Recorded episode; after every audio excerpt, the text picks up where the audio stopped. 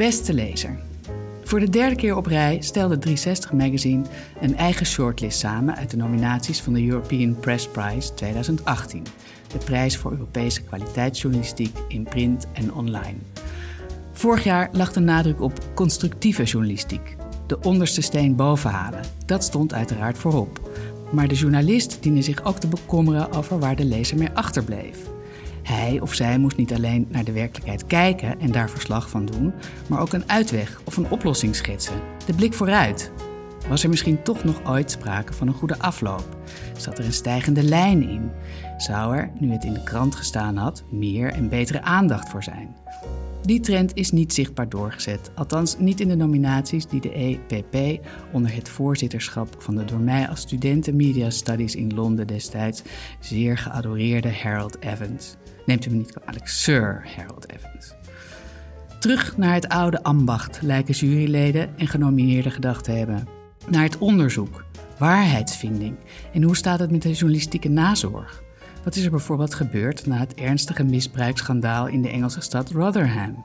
En waarom verloor het hoofd van de dienst openbaar vervoer in Budapest het van een Russische fabrikant en is zijn stad nu opgezadeld met gebrekkige metrostellen waarvan de deuren onderweg openvliegen? Geen dijenkletsers, helaas, maar wel stuk voor stuk artikelen waar je wat van opsteekt, omdat ze de lezer stap voor stap meenemen naar plaatsen en onderwerpen die anders onopgemerkt waren gebleven. Koploper onder de genomineerden is de Süddeutsche Zeitung, die met drie artikelen, of beter gezegd met drie journalisten, onze shortlist domineert. Maar we kozen ook voor de Monsanto Papers, een vernuftig staaltje van de Franse krant Le Monde over de vuile oorlog tegen het Agentschap voor Kankeronderzoek van de Wereldgezondheidsorganisatie, IARC.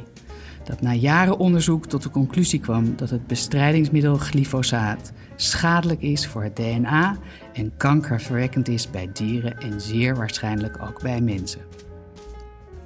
Die conclusie legde, zoals u begrijpt, een bom onder de activiteiten van een van de grootste chemiereuzen ter wereld. En het is tegelijkertijd een onthutsend verhaal over geld, macht, politiek, wetenschap en corruptie, waarin uiteindelijk het agentschap IARC voor kankeronderzoek wel eens het onderspit zou kunnen delven.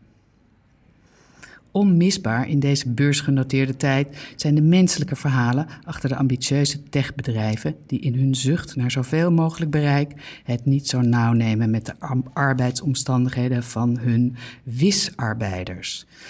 Wisarbeiders zijn jonge immigranten op zoek naar een baan in Berlijn ze komen af op een ogenschijnlijk makkelijk en hip baantje als content moderator en beoordelen per dag ongeveer duizend berichten die op Facebook als ontoelaatbaar worden gemeld.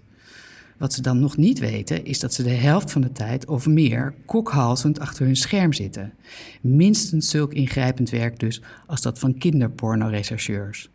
Maar zonder welke vorm van psychische begeleiding dan ook. Van een andere grootheid is de dappere reportage over een Libische krijgsheer die de oorlog verklaard heeft aan mensensmokkelaars. Dapper omdat de auteur zich niet om de tuin laat leiden en echt wil weten met wie hij van doen heeft. Een uiterst interessante analyse, wat je noemt een conversation piece, schreef Bastiaan Berbner in die tijd over hoe journalisten, de boodschappers van het nieuws, volop meewerken aan de verspreiding van terroristische propaganda.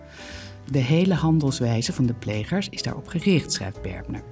Daarom kiezen ze symbolische doelwitten. Doel bereikt, iedereen is bang, terwijl er nog steeds meer doden vallen bij natuurrampen en auto-ongelukken. Moeten we zwijgen dan? vraagt ook Berbner zich af. Nee, natuurlijk, dat is onmogelijk en druist in tegen elke journalistieke vuistregel. Berbner adviseert wel desinteresse, berichtgeving reduceren, minder aandacht.